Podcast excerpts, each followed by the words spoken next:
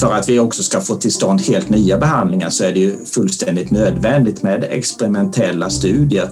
Så, så eh, helst vill man ju se att man kan bidra till att utveckla en ny terapi som man sedan kan själv pröva i de här kliniska prövningarna. I år är det 100 år sedan insulinet upptäcktes. Det innebar att diabetes inte längre ledde till en säker död utan kunde behandlas.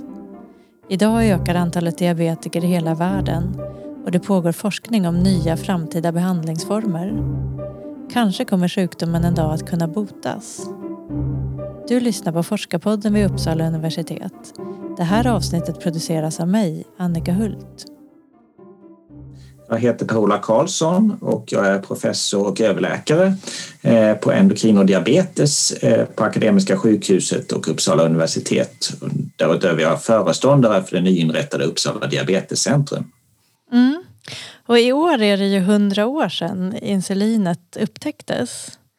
Eh, vad, vad har det betytt för diabetesbehandlingen?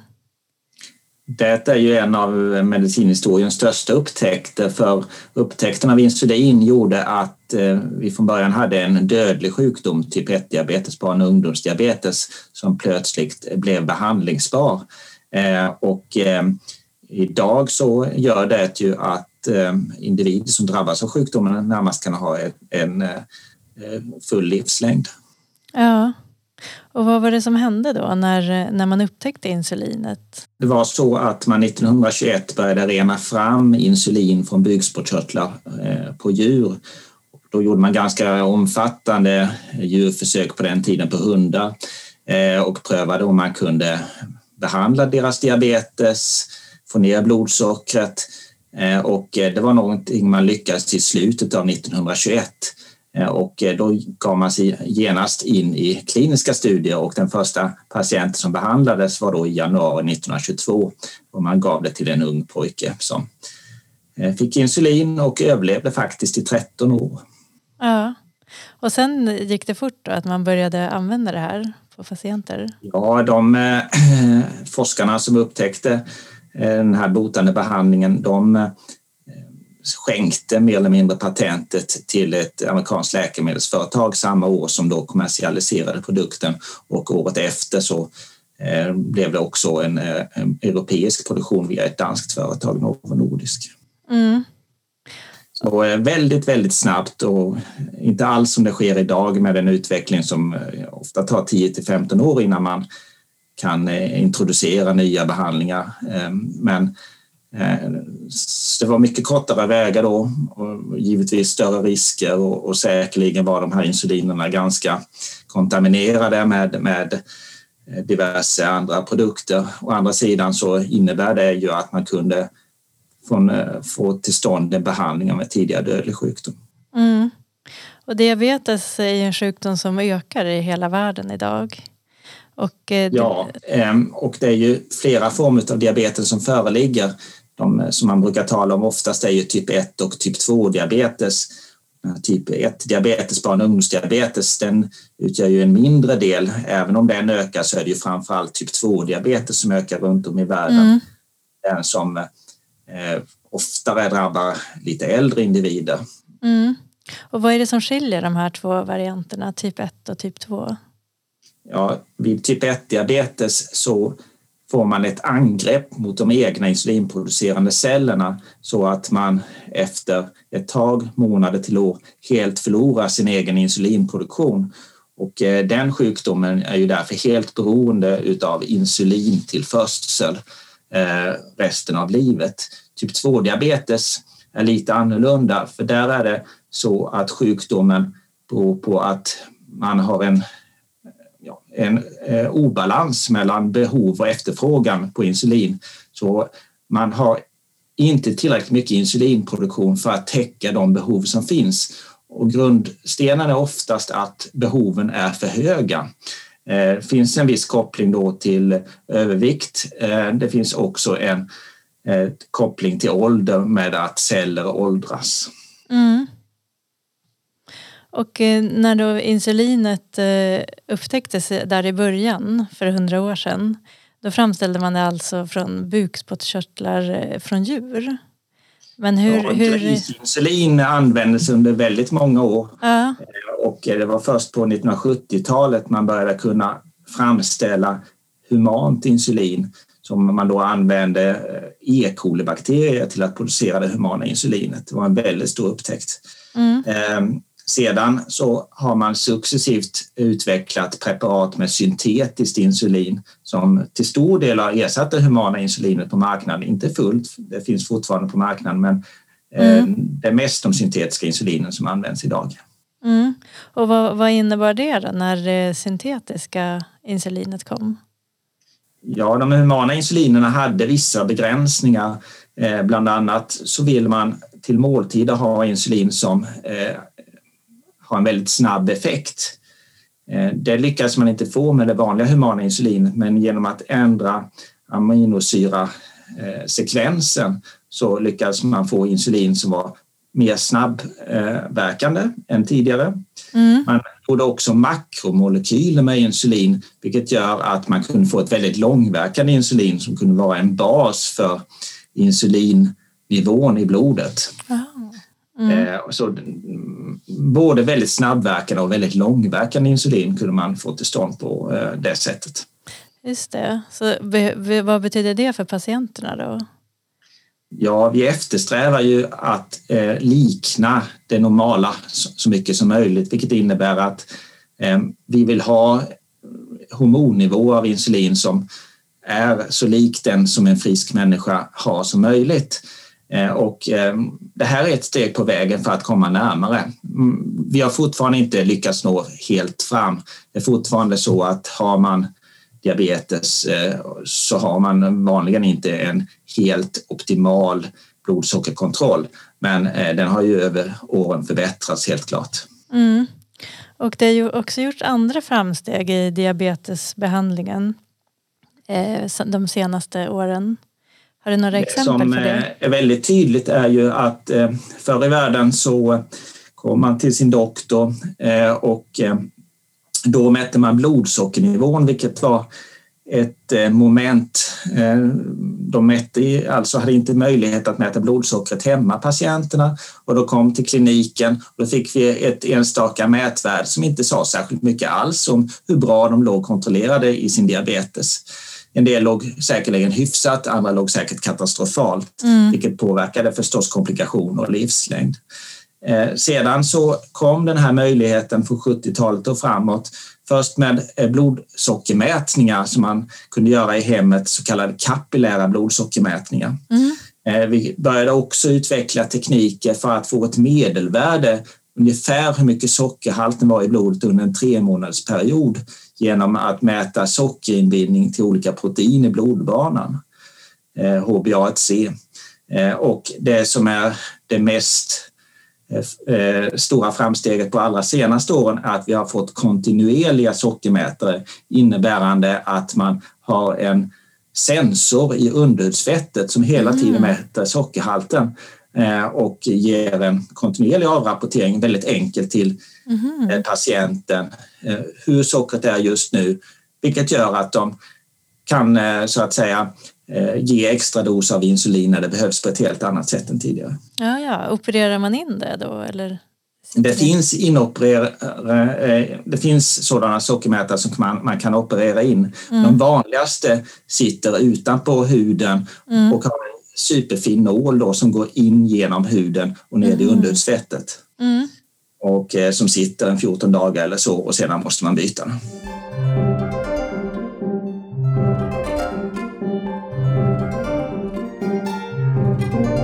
Och eh, insulinet eh, revolutionerade ju diabetesbehandlingen då när det kom för hundra år sedan. Eh, och nu forskar man ju om lika revolutionerande behandlingar för framtiden. Eh, kom, eller hur? Ja, det finns egentligen eh, två vägar fram som, som man tänker sig just nu. Det ena är eh, så kallade closed loops insulinpumpar innebärande att man eh, använder den här informationen från kontinuerliga sockermätare, eh, datorbehandlar den informationen och ger en instruktion till en pump eh, som pumpar in rätt mängd insulin vid varje givet tillfälle. på det sättet så tänker man sig att man är förstås beroende av de här eh, tekniska hjälpmedlen men patienten då inte ska behöva tänka på sin egen insulinadministration. Mm. Eh, det som kanske är ännu mer tilltalande är ju förstås att bota individerna. Eh, mm. Och där eh, forskas vi bland annat om nya behandlingar. Antingen att försöka stoppa upp den här processen som dödar de insulinproducerande cellerna. Och där finns ju då strategier att stoppa immunsystemets angrepp helt enkelt mm. mot de insulinproducerande cellerna. Och det gäller att upptäcka de här individerna i tid så det finns tillräckligt många celler att rädda för att det ska vara en, en behandling som gör att de helst då kan vara utan insulin. Och den andra typen av, av strategi som många jobbar med, och inklusive vi, är att ersätta förlorade insulinproducerande celler med nya celler, med nya insulinproducerande celler. Och där har ju stamcellskonceptet kommit i det att man kan ta eh, helt andra celltyper, göra om till omogna celler som man sedan utvecklar till insulinproducerande celler som man då kan ja, sätta in i, till patienten och ersätta de förlorade. Jaha, kan man alltså, man tar ut en cell och sen gör man om den så att den producerar insulin? Ja, eh, ett upplägg är exempelvis att från eh, hudbiopsi, alltså hudceller som man tar, skulle kunna vara från individen själv som har diabetes. Man odlar dem i en odlingsskål så att de blir helt omogna celler och sedan så omskolar man dem helt enkelt till insulinproducerande celler samtidigt som man ökar mängden celler i ett stort antal eh, så att man kan eh, transplantera in dem då på eh, de här patienterna i syfte att de ska botas från sin diabetes. Det betraktas som ett läkemedel idag och det är ett läkemedelsutveckling som skulle innebära då Mm. Och där är vi nu i forskningsfasen, Det görs mycket experimentella studier, djurstudier Eh, och eh, det har i Nordamerika gjorts första kliniska prövningar också. Mm. Men vi är inte i den fasen än att vi kan erbjuda det i klinisk behandling utan det behöver förbättras något och framför allt så vill man ju inte introducera behandlingar för snabbt. Nu är det ju inte längre en dödlig sjukdom utan då ställer vi de här kraven att det måste vara säkert för patienten på ett helt annat sätt mm. och inte skada patienten. Vi vill ju så att säga hjälpa patienten. Ja precis och du forskar ju också om eh, säkrare transplantationsmetoder. Eh, varför behövs det då? Ja, eh, i detta att kunna introducera den här typen av behandling till patienter så eh, har vi då insulinproducerande celler som kommer från stamceller och en risk är att det finns omogna celler kvar i preparationen som man transplanterar och att de då skulle kunna tumöromvandlas.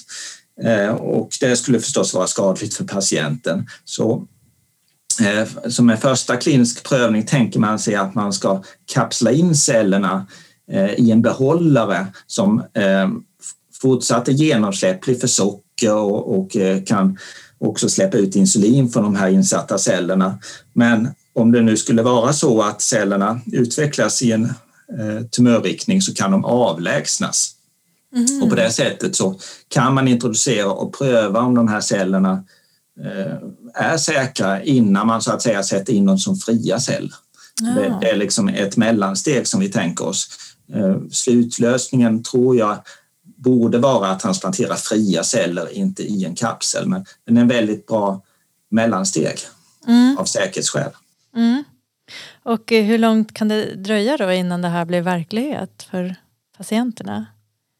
Ja, eh, vi skulle säga att vi har ju cellerna som krävs eh, i nuläget. Vi har också åtminstone eh, inte helt perfekta, men vi har kapslar som gör att celler kan överleva i kroppen, vilket gör att eh, vi inom kort skulle kunna börja kliniska prövningar här. Vi har redan gjort en sådan klinisk prövning där vi har transplanterat insulinproducerande celler från avlidna organdonatorer på det här sättet. Mm. Eh, men eh, nästa steg borde då vara att ta insulinproducerande celler från stamceller.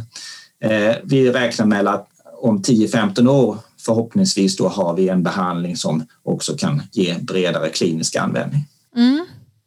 Ja, men det låter jättespännande. Och det här ligger ju i framtiden men, men du ser också mycket av, av dagens diabetesbehandling för du jobbar ju både som läkare och, och forskare. Hur fungerar den kombinationen? Ja, det är ju en splittring förstås, men samtidigt en nödvändighet om man ska göra eh, Eh, klinisk forskning att hela tiden vara uppdaterad på vad som används i klinisk praxis idag, att förstå de utmaningar patienterna har och de behov, vad egentligen patienterna behöver bli hjälpta med. Eh, så jag ser det som en, eh, en nödvändighet att ha den här kombinationen om man ska driva klinisk, nya kliniska behandlingar. Ja, för då, då möter du hela tiden patienterna också? Att du ja, får höra deras erfarenheter. det är också så att för att göra behandlingar eh, eller introducera nya behandlingar i kliniken och göra tidiga kliniska prövningar måste man ju också ha en läkarroll eh, för att kunna genomföra de prövningarna. Ja precis, så du, du prövar det samtidigt? Så, så, på det sättet går det in i varandra, och forskning och Absolut. Så eh, mycket av den forskning eh, som görs och som jag gör är ju kliniska prövningar idag, vilket innebär mm. att jag också i då forskningen träffar patienter hela tiden. Men du är också i labbet och däremellan? Ja, jag började ju med experimentell forskning. Jag har fortfarande ena benet där, så lite ovanligt eh, med både experimentell och klinisk forskning parallellt. Men det är också ja. väldigt givande och, och tilltalande att, att eh, ha många verksamheter igång. Ja, precis. Så du, du började med, med den experimentella forskningen innan du blev läkare, var det så? Ja, eller åtminstone parallellt med eh, min läkarutbildning. Eh, så eh, i den fasen är man inte riktigt behörig, om man kallar det så, att göra klinisk forskning. Åtminstone inte sådana här läkemedelsprövningar som vi håller på med nu. Och för att vi också ska få till stånd helt nya behandlingar så är det ju fullständigt nödvändigt med experimentella studier. Så, så eh, helst vill man ju se att man kan bidra till att utveckla en ny terapi som man sedan kan själv pröva i de här kliniska prövningarna. Just det.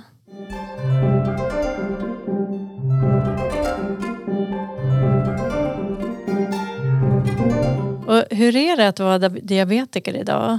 Är det, det, man, man överlever ju men ställer det fortfarande stora krav på, på hur man lever och hur man sköter sin sjukdom?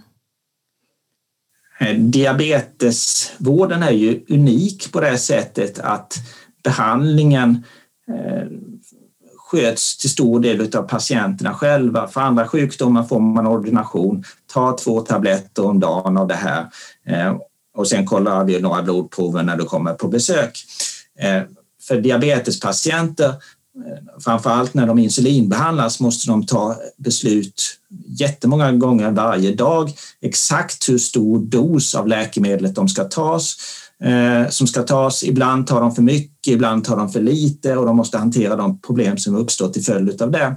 Så det är en egenbehandling som är helt unik egentligen inom vården eh, och ställer stora krav på att fundera igenom hur mycket insulin man ska ta i olika situationer.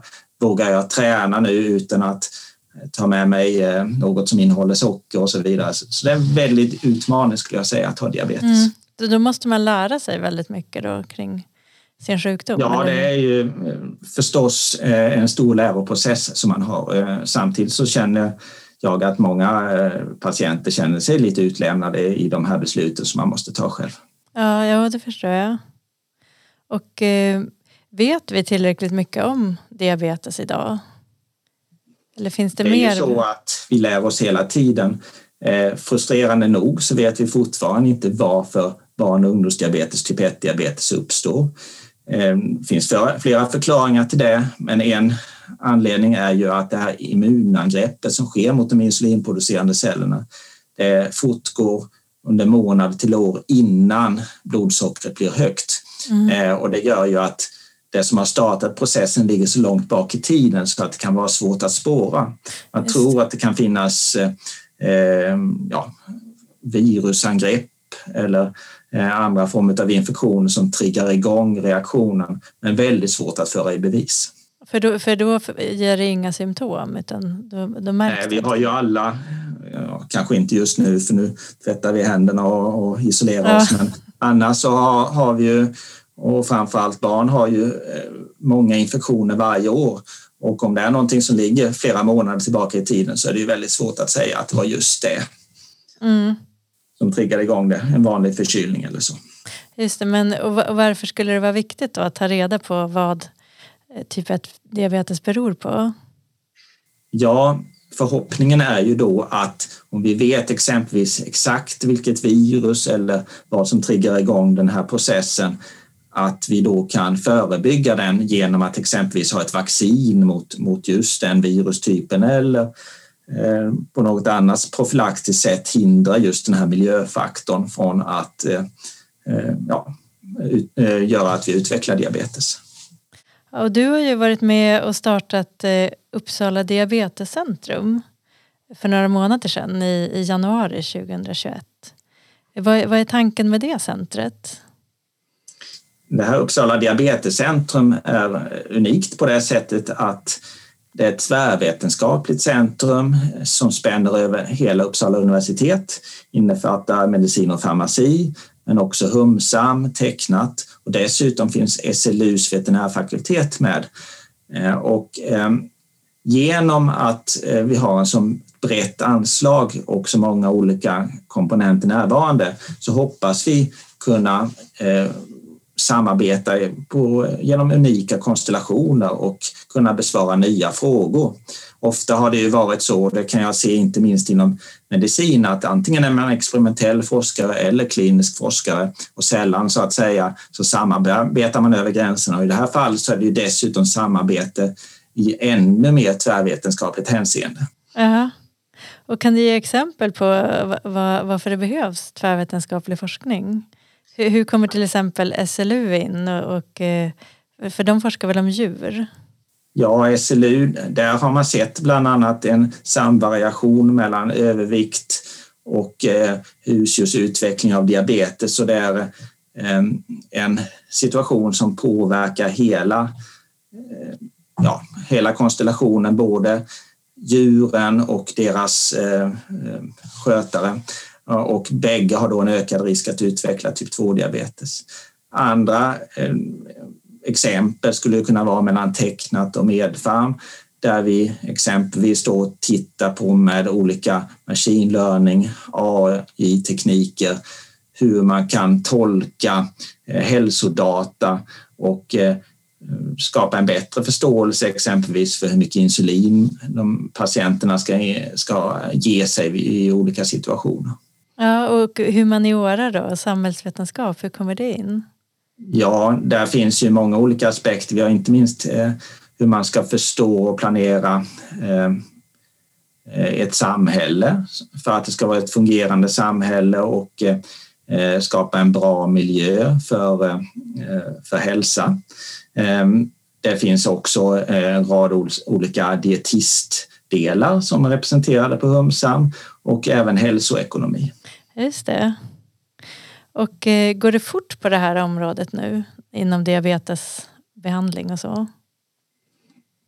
Eh, den snabbaste utvecklingen skulle jag säga sker inom typ 2-diabetesfältet. Väldigt många individer som är drabbade av typ 2-diabetes Eh, men genom att det är en väldigt omfattande sjukdom så finns det också ett stort intresse från industrin att utveckla nya läkemedel som eh, på olika sätt eh, förbättrar situationen, antingen genom att öka effekten av insulin eller att förstärka insulinproduktionen. Men även vid typ 2-diabetes så har vi ingen behandling som ändrar förlopp öppet i grunden. Eh, det är fortfarande en progressiv sjukdom där blodsockret tenderar att stiga över åren. Eh, så även både vid typ 1 och typ 2-diabetes så behöver vi någonting som ändrar inriktningen, som ändrar förloppet i grunden. Eh, och det är en forskning som jag tycker är prioriterad. Ja, och eh, har ni mycket samarbete med industrin? Ska vi utveckla nya behandlingar för diabetes så är en industrisamarbete en nödvändighet. Ehm, det är idag eh, väldigt stora investeringar bakom att utveckla nya terapier och i princip alla behandlingar är att betrakta som läkemedelsklassade ehm, och eh, då har vi inte heller som offentlig sektor någon möjlighet att utveckla de läkemedlen själva. Ja, just det. Så då, då, är det nödvändigt med samarbete helt enkelt? Ja, men däremot så står vi ju för en, en kompletterande kompetens både som läkare och som forskare. Ja, precis. Och var tror du att eh, forskningen är om tio år? Om man tittar framåt i tiden? Ja, förhoppningsvis går utvecklingen snabbare. Eh, som sagt var, det var hundra år sedan insulinet utvecklades och det känns som det skulle vara dags för ett väldigt stort nytt genombrott. Och jag hoppas själv att det ska vara inom stamcellsbranschen. Ja. ja, men det låter spännande. Lycka till med forskningen. Mm. Du har lyssnat på Forskarpodden med forskaren Per-Ola Karlsson. Följ oss på Podbean, iTunes, Spotify eller andra poddläsare. Kontakta oss gärna i sociala medier på hashtag forskarpodden eller på universitetets webbsida uu.se forskarpodden. Jag heter Annika Hult och Forskarpodden produceras av Uppsala universitet med musik av Marcus Sjöblom.